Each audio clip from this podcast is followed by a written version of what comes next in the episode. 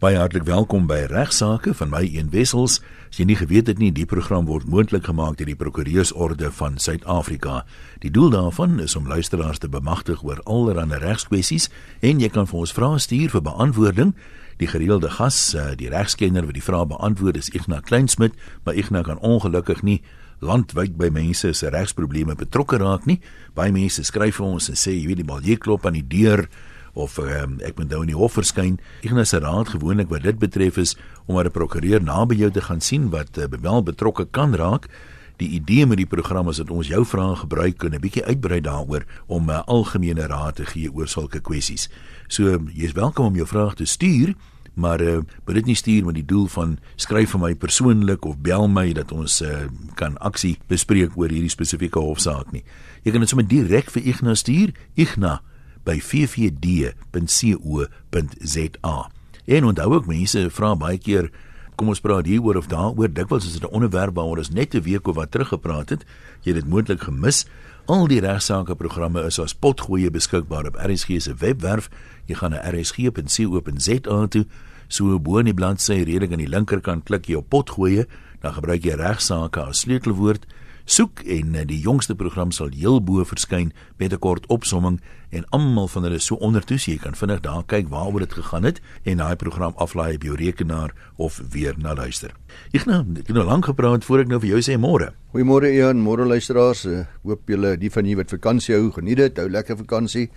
Daar 'n koel windjie oor julle waai waar dit warm is, maar uh, ek wil bietjie vandag praat en miskien is dit van toepassing op vakansiegangers my buurman wat so lawaai, oujaarsdag aand en elke elke aand 'n party.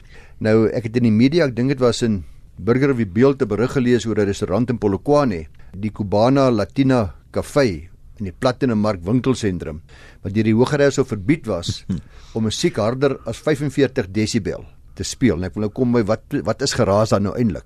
Hoofopskrif was my pragtig. Kom ek kom ek antwoord dit gou vinnig vir jou, ja. Ignas. As jy van die liedjie hou, is dit nie geraas nie. As jy nie van die liedjie hou nie, is dit geraas al speel hom sag. Die hoofopskrif van die koerant was my pragtig uh, in Afrikaans, 'n mooi Afrikaans en het dit gelees. Ek haal aan Hof trap raserige restaurant se chunk af. nou en daardie chunk was die musiek wat laat na gechunk het in die bure geplaat. Dit blyk dat hierdie betrokke restaurant se perseel gesoneer is vir onder andere restaurant maar dat die Combretum Park huiseienaars vereniging het aangevoer dat dit lankal nie meer 'n restaurant is nie, maar eintlik 'n nagklap geword het. Die vraag is daar nou 'n verskil. Musiekgroepe het opgetree en harde musiek is gemaak tot in die vroeë oggendure. Dit het hierdie meentuiseienaars hierdie groep hmm. Combretum huiseienaars vereniging is 'n regte aangetast en was die geraas vir hulle 'n groot steurnis. Daar was ook aangevoer dat daar 'n verskil tussen 'n nagklap of 'n kroeg en 'n gewone restaurant. Uh soos dit baie by baie van hierdie plekke gaan, as hy ook beweer dat daar baie dikwels tot vroeg in die oggend gekuier is en dat hierdie gekuier in die parkeerterrein aangaan. Aan die ander woorde, ek het nou lekker gedrink tot 3 uur toe en nou gaan beklei ek buite in die parkeerterrein. Nou, ek het nog enetjie in die boot. Ja, dis reg. dit dit dit dit veroorsaak selfs nog meer geraas. Nou regter Efraim Magoba maak toe bevel dat hierdie kuierplek verbied word om enige ongerief huiseienaars te veroorsaak met hierdie luide of harde musiek en hy sê dat die geraasbesoedeling moet gestaak word en dat die besoek mag nie meer wees as aanvaarbaar vir hom vir die hof as naamlik 45 desibel nie. Die regter sê dat 'n restaurant geregtig om agtergrondmusiek te speel soos wat gewoonlik in 'n restaurant aangetref word, maar hy het beslis dis beslis nie dieselfde regte as dit 'n nagklub het wat tot vroegoggend musiek kan maak nie. Dis 'n baie mindere reg vir 'n. Dis nou 'n kategorie lisensie vir nagklubs nie maar. Vir 'n sodra jy 'n nagklub bedryf, dan val jy in 'n ander kategorie en die regter sê is 'n objektiewe toets wat toegepas is. Naamlik wat die reaksie is van die redelike man, ons almal wat vandag luister en nie die hoogs sensitiewe of delikate luisteraar. Ek het nou gepraat van oujaarsdag aan.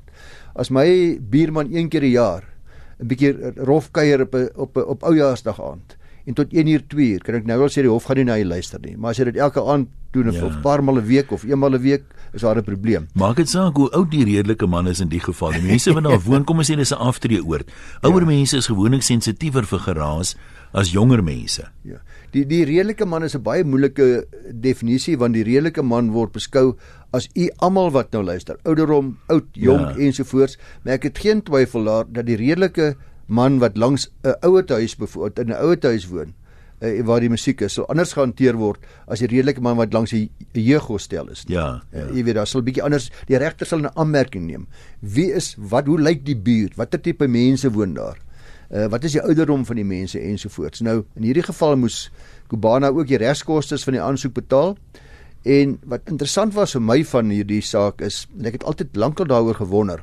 Die verslaggewer het ook na bronne gaan kyk om te bepaal hoe hard is hard dan nou. En volgens die berig in die media is voels in jou tuin se klank. Voels wat koer of fluit of wat ek nogal in jou Ken tuin meneer Hadi daar? uh, se gemiddeld is 40 desibel.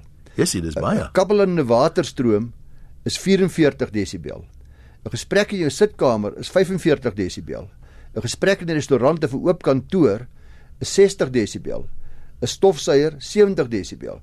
Dit het sy blykbaar gekry by 'n bron wat sy genoem het daar industrialnoise.com. Aha.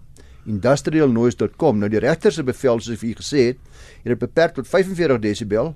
Dis werklik baie sagte Dit klink vir my agtergrondmusiek. eintlik half onbillik want ek meen jy kan in die kantoor harder praat dan sit nie rusverstoring. Ja, ek is nie seker hy die voordeel gehad het van hierdie Ja. van die verslaggewer se inligting nie, hoe hy by die 45 desibel uitgekom het nie.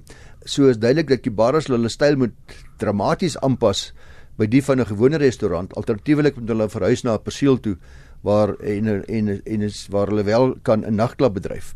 Ek het ook vergeet om te meld dat ek daaraan dink dat regter Magoba het ook spesifiek gemeld dat die definisie van 'n restaurant 'n plek van vermaak uitsluit. Dis interessant. Ja, aan die ander woorde Kubana het dit Jy ook- kan gaan maar jy moet dit nie geniet nie.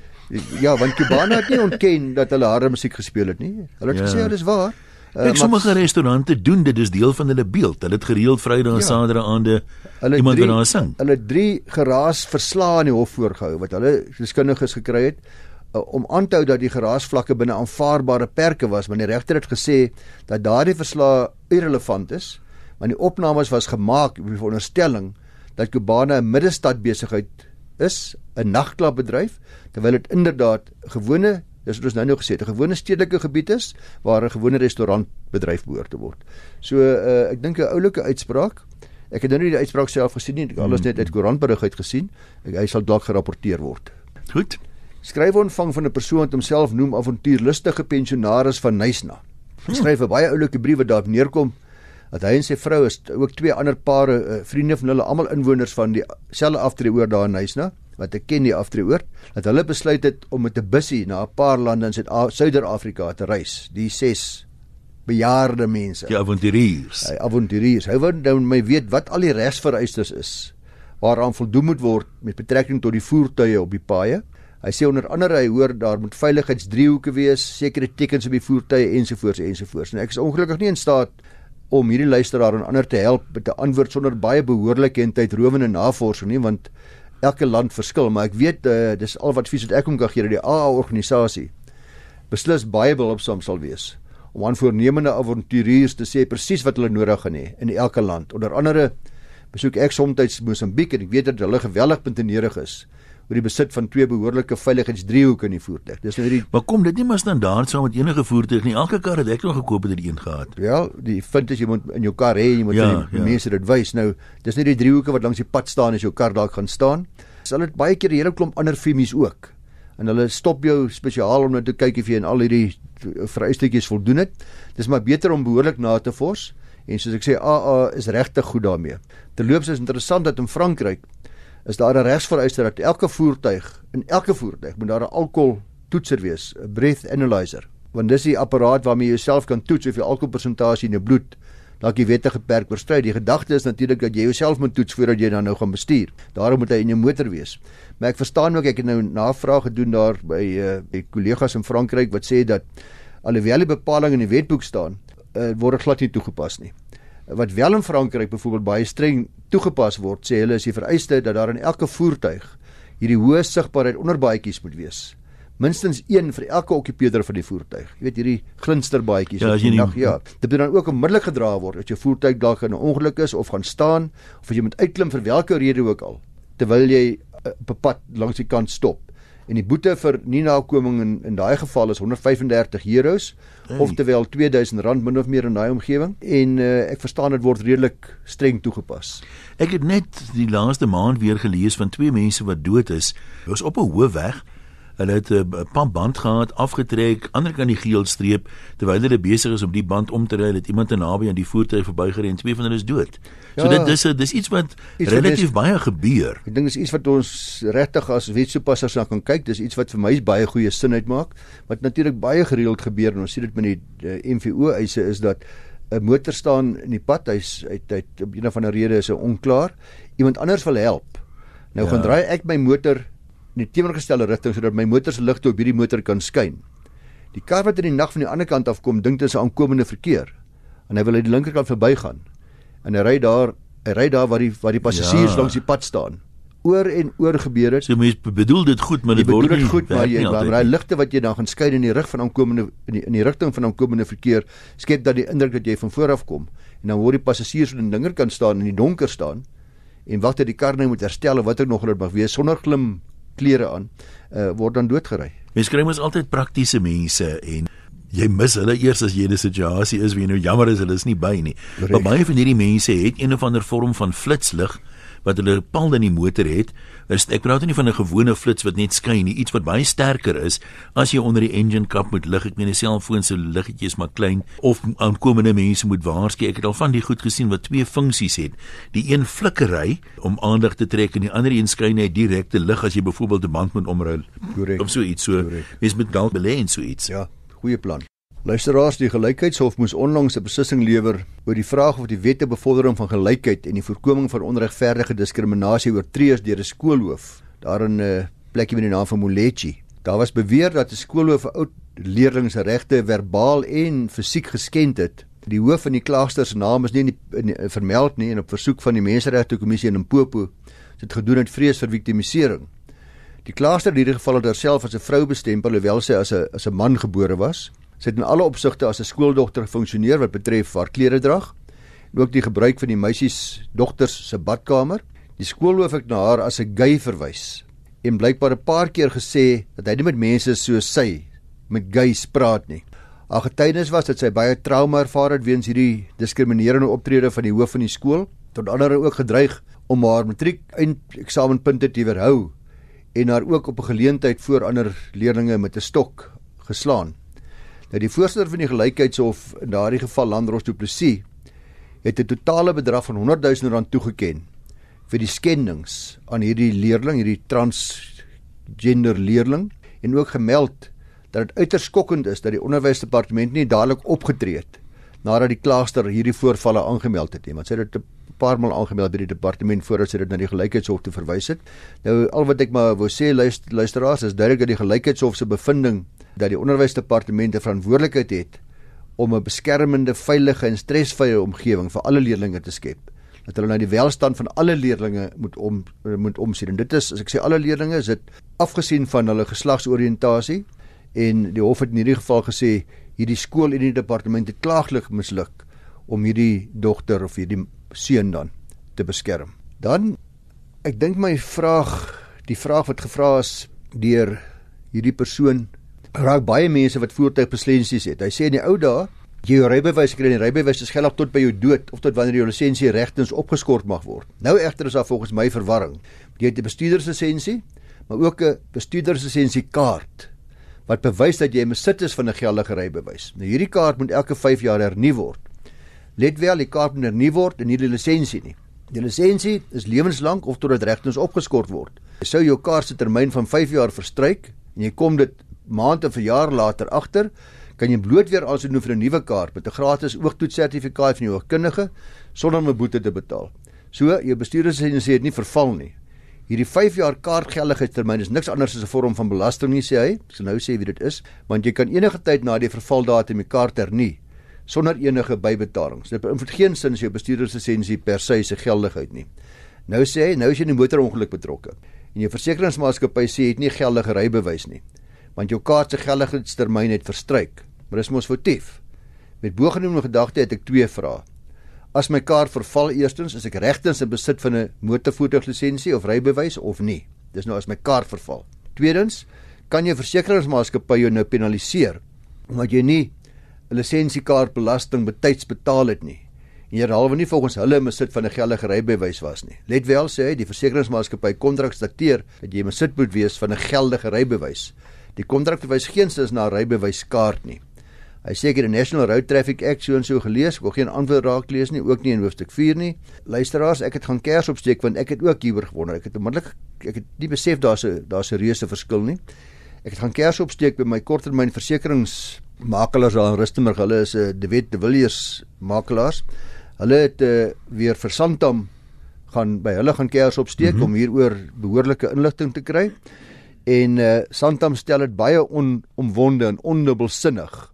Dit is nie jou bestuurderslisensie wat elke 5 jaar hernie moet word nie, maar bloot die lisensiekaartjie wat niks meer is as 'n bewys dat jy wel oor 'n geldige bestuurslisensie beskik nie.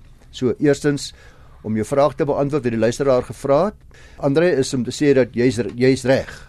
As jy sê daar is 'n verskil tussen 'n geldige rybewys en tussen 'n motorlisensiekaart, die een bewys net jy het 'n geldige rybewys. Wat wel ook waar is is dat as jy nou in 'n padbokkade beland en hulle kyk na jou lisensie en jou kaart het verval, mag jy nie verder ry nie. Sê nou jy het 'n kaart en die kaart het nou 'n maand gelede verval. Nee, nou Dit is 'n bewys dat jy 'n lisensie gehad het op 'n stadium ja. wat dan nou nog geldig moet wees. Goed, so hulle behoort jou te laat ry maar hulle doen nie. Maar as jy versuim om die kaart te hernie, is die enigste probleem dat die onus dan nou op jou is. As jy byvoorbeeld veel gekeer word soos Ian nou gesê het of 'n eis instel deur die versekeringsmaatskappy om te bewys dat jy wel oor 'n geldige bestuurslisensie beskik het. Dis maklik natuurlik om van hierdie onus ontslae te raak, van hierdie bewyslas ontslae te raak. Ja, ek meen die feit dat jy 'n kaart het wat kom ons sê verlede maand verval het, is tog 'n bewys dat jy 'n geldige lisensie gehad het. En as hy nie opgeskort is intussen nie, weens een of ander rede nie, dan moet hy mos nog geldig ja, wees. Ja, maar jou jou kaart is die enigste bewys dat jy 'n geldige lisensie gehad het. Nou die vraag of jy nou nog steeds sy lisensie het na jou kaart verval het, as jy bewyslas op jou en hy bewyslas soos ek sê is maklik om van te kwyt. Hulle Santam sê jy skryf bloot, skryf aan die lisensie owerheid, sal bevestig dat uh, die bestuurderslisensie beslis nog geldig is. Ek het of, my bedenkinge daaroor. Hierdie owerhede is nie altyd so op datum met die reëls soos wat ons dink hulle is nie. Hy sê of jy kan dit aansoek doen vir nog 'n kaart natuurlik en 'n tydelike uh, lisensie kry wat dan uitgereik word. Ek moes onlangs dieselfde doen. Ek het 'n tydelike lisensie vir 6 maande lank gekry. Nou let wel dat jy lisensie kaart se lisensie se datum verval, die vervaldatum aanbreek en jy het vooraf aansoek gedoen vir 'n nuwe kaart is uh, jou lisensiekaart vir nog 'n tydperk van 3 maande geldig sê die uh, regulasies. So baie dankie aan uh, Johan de Wet hier van die Wet de Villiers makelaars uh, wat hierdie inligting vir ons by Santam gekry het. Nee, dis dis baie interessant. Ek is net nie so seker as ek sê dit word eenvormig so toegepas nie, want as jy nou maar kyk, ek meen bel 'n inbelsentrum van 'n bank. Vandag sê hulle vir jou so, môre kom jy by ander ou wat weer 'n ander storie het. En ek het ek is so jammer, maar ek het nie genoeg vertroue in die verkeersbeamptes om te glo hulle almal is op dieselfde bladsy wat dit betref nie. Maar wat dit sê, het ek al gehoor van mense wat gesê het hulle lisensiekaart dan nou het verval waar hulle dit wou hernie, toe sou hulle gesê maar jy moet nou eers weer 'n toets gaan doen. Die K53 toets en die ja. eksamen skryf en alles. Ja, maar jy gee jou nie steur wat die lisensie beampte langs die pad vir jou sê nie. Jy gaan maar vir die hof moet gaan bewys ja. ongelukkig dat jy op daardie stadium reeds 'n lisensie gehad het, dat dit nog geldig was. Dit gaan jy kry deur aan te toon dat jy dat jou lisensiekaart verval het wanneer jy jou lisensie nie, jou geldige rybewys nie. Dan uh, luisteraars, die vraag word gevra of verkrachting nou uitgebrei is, is of dit nou 'n uitgebreide statutêre misdaad is en ek het 'n skryf hier ontvang van 'n moeder in die Noord-Kaap. Sy sê haar dogtertjie van 11 is deur 'n neefie anaal aangerand. Sy gee dan redelike grafiese en gruisame detail wat ek nie nou gaan herhaal nie. Uh sy sê nou is dit deur die polisie die SAP meegedeel dat die staatsaanklaer sê dis net aanranding en dis nie verkrachting nie. En sy siel is ongelukkig en sy vra van uh, of wat sê die prokureur, wat sê die regsaak dan vir haar 'n verduideliking kan gee. Sy sê die saak kom voor in iewers in Februarie 2018, hierdie saak teen uh, teen die neefie. Nou uh verkrachting luisteraars as 'n misdaad uh, soos ons vandag ken, was uh, nie van die begin af so omvattend gewees nie. Maar baie groot ontwikkeling het wel plaasgevind na die grondwet hof se uitspraak in 2007 wat ons ook op hierdie program gehanteer het. Hulle het beveel dat die definisie van verkrachting herskryf en uitgebrei moes word. Dit was in die saak van Masia teen direkteur van openbare vervolgings in Pretoria en ander. Nou die agtergrond van daai saak was kortliks dat 'n 9-jarige dogtertjie ook kanaal verkragt is deur 'n man. Die hof het kyk na die definisie van verkrachting, gesien hoe dit baie eng beskryf is. Net voorsiening maak vir 'n man wat 'n vrou verkragt. Ook dat die verkrachting net deur die geslagsdele kan plaasvind, nie ander voorwerpe nie. Nou wanneer net hierdie definisie in ag geneem word, dan sal die misdaad teen die dogtertjie natuurlik nie as verkrachting gesien kan word nie, maar net as onsedelike aanranding. Nou die grondwetlike hof het gesê dat hierdie onsedelike aanranding wat die dogtertjie ervaar het in die in hierdie saak van uh Masia is net so vernederend en net so erg en net so onaanvaarbaar soos enige verkrachting waarna verwys word in die ou definisie en daarom moet die definisie baie uitgebrei word. Nou na afloop van die hofsaak is die wetgewing rakende verkrachting vervang inderdaad na 2007 en uitgebrei met 'n baie breër omskrywing wat voorsiening maak vir alle forme van seksuele penetrasie sonder toestemming. Dit maak ook nie saak watter geslag die betrokke persoon was, dieselfde geslag, verskillende geslagte nie. Nou baie verdere verbetering soos reeds in 'n vorige program ook gemeld in die lig van hierdie uh onderwerpe sê die verkrachting nie kan verjaar nie. Hierdie wetgewing is ook uitgebrei om te sê dit kan nie verjaar nie. Met ander woorde, verkrachting het nie 'n tydslimiet nie. Dit maak nie saak hoe lank terug hierdie misdaad plaasgevind het nie uh mens kan ten enige tyd die aanklag maak selfs al is dit langer as 20 jaar gelede. Dit is belangrik dat bogenoemde het mynsinsiens groot verbeteringe tot die reg aangebring en daar word nou baie meer beskerming gebied veral ook aan kinders wat gewoonlik ook slagoffers is en dit word ook voorsien dat misdadigers alreeds na hierdie nuwe bepalinge baie swaarder strawwe in die gestig staar. So hierdie dame wat vir my geskryf het, die moeder, sy het haar naam gegee. Ek gaan dit nou nie noem nie om my kind te beskerm. Moet asseblief dadelik vir die aanklaer in hierdie dorpie waar sy woon, moet sy gaan sê van hierdie hofsaak en moet vir sê dit is verkeerd. Dit is nie onsedelike aanranding nie, dit is verkrachting. So die die feite wat sy daar gee uh regverdig regverdig verkrachting. Ja, daardie dit is hier was ook die uh, penetrasie uh, met geslagsdele nie, maar die feite wat sy beskryf die, as jy na die uitbreiding gaan kyk, is dit baie duidelik dat die staatsaanklaer maak 'n fout. Hierdie dogtertjie se aanvaller of uh, dan die persoon wat daar uh, in aanhalingstekens verkragt het na bewering, moet beslis aangekla word van verkrachting en nie net onsedelike aanranding. Is daar uh, na hierdie uitbreidings nog ruimte vir onsedelike aanranding? Met ander woorde sekere dade wat tog nie op verkrachting ja, neerkom ja, ja, ja, ja. nie, maar wel op onsedelike aanranding. Ja, nee, maar baie... jy swaarder gestraf geword as gewone aanranding. Korrek, daar's baie vorm van onsedelike aanranding wat niks met penetrasie te doen het nie. Onthou dis een van die voorvereistes vir 'n verkrachting. Aan die ander woorde ander dele van die liggaam, uh, borste of wat ek nogal ek word op verskeie maniere kan jy onsedelik aangerand word wat nie, sonder dat daar penetrasie noodwendig plaasvind. Dan luister as ek 'n briefie gekry van uh, Nico Vermaak. Hy sê graag wil ek weet, baie interessante vraag. Hoekom maatskappye 'n interdik teen geweld moet kry by 'n staking? En hulle moet vooraf hof toe gaan en sê jy mag nie staak nie en jy mag nie geweld pleeg nie ensovoorts nie. Hy sê is geweld dan nie in elk geval teen die wet nie. Hoe ver vat die mense dit nou sê? Moet mense dan ook byvoorbeeld 'n indruk kry dat iemand my gaan vermoor of sit ek die pot nou heeltemal mis? Nou onthou 'n begrip van my beperkte regstudies destyds bestel in Bos genaamd Die die hof hou hom nie op met beselagtighede nie. Dis natuurlik, dit is daai ou de minimis non curat lex. Mm. Dit is natuurlik om die werkslading onder andere van ons howe te beperk. Uh nou vra hy asseblief, is dit uh, nodige vraag? Ek sê nee, nee, Nico is beslis nie 'n onnodige vraag nie, dis 'n baie interessante vraag wat ek graag wil beantwoord, want jy is 100% reg dat daar verskeie gemeenregtelike en statutêre oortredings is wat reeds in die wetboek is, wat reeds bestaan, gemeenregtelik sonder dat dit in die wetboek is en wat handel met talle forme van geweld, insluitende geweld tydens stakings. En 'n goeie voorbeeld van wat Nico van praat, is wanneer ons as familieregprokureurs in die verlede baie dikwels voor die wet op gesinsgeweld daar was, interdikte aangevra het by die Hoërhof in terme van die wetgewing wat handel met gesinsgeweld om iemand te verbied om sekere gewelddadige handelinge teenoor die vrou of die man uit te voer of teenoor die kinders. Of jy mag jy dreig hom met geweld en jy kry ek, ek kry interdik by die hof om te sê meneer jy mag so en so jy mag die volgende handeling nie verrig teenoor my kliënt nie. Ek het al letterlik honderde kliënte in my loopbaan gesien wat vreesbevange was omdat hulle gedreig was met met die dood. En dikwels het familiereg aangeleenthede dit plaasvind dat sal iemand in 'n senuwee toestand by jou opdaag en sê daar man het gedreig om te skiet of hy gaan die gesin uitwys daai tipe van dinge. Dis dan maklik om te sê dat iemand wat daarmee dreig niks anders as 'n bullebak of 'n boelie is nie. Dat dit emosionele afpersing is nie, maar ons weet almal, almal van ons wat luister, dat gesinsgeweld en gesinsmoorde wel plaasvind. Natuurlik kan 'n mens dan vir daardie kliënt sê, "Maar jou man weet baie goed hy mag nie doodskiet nie." Dis gemeenregtelik so.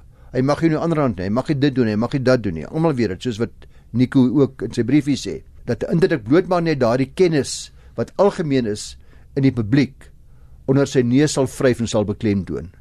Meneer, ons weet nou wat jy wil doen. Ons sê nou vir jou, ons waarsku nou vir jou.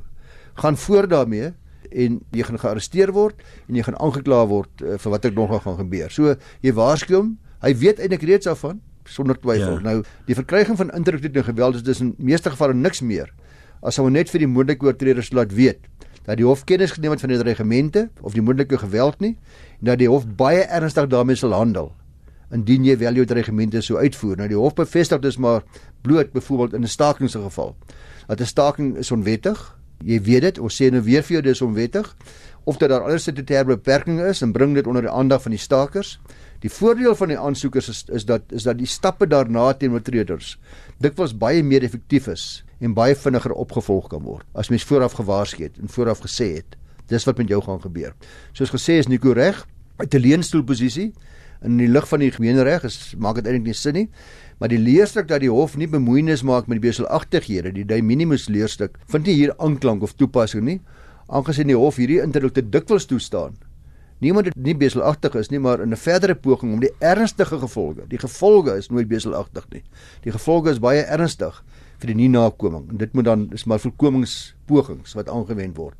Dis uh, dis dikwels dit nie beselagtig van aard nie. Dis dit vir vandag. Ons wens jou 'n vredevolle en 'n geweldlose 2018 toe. Groete.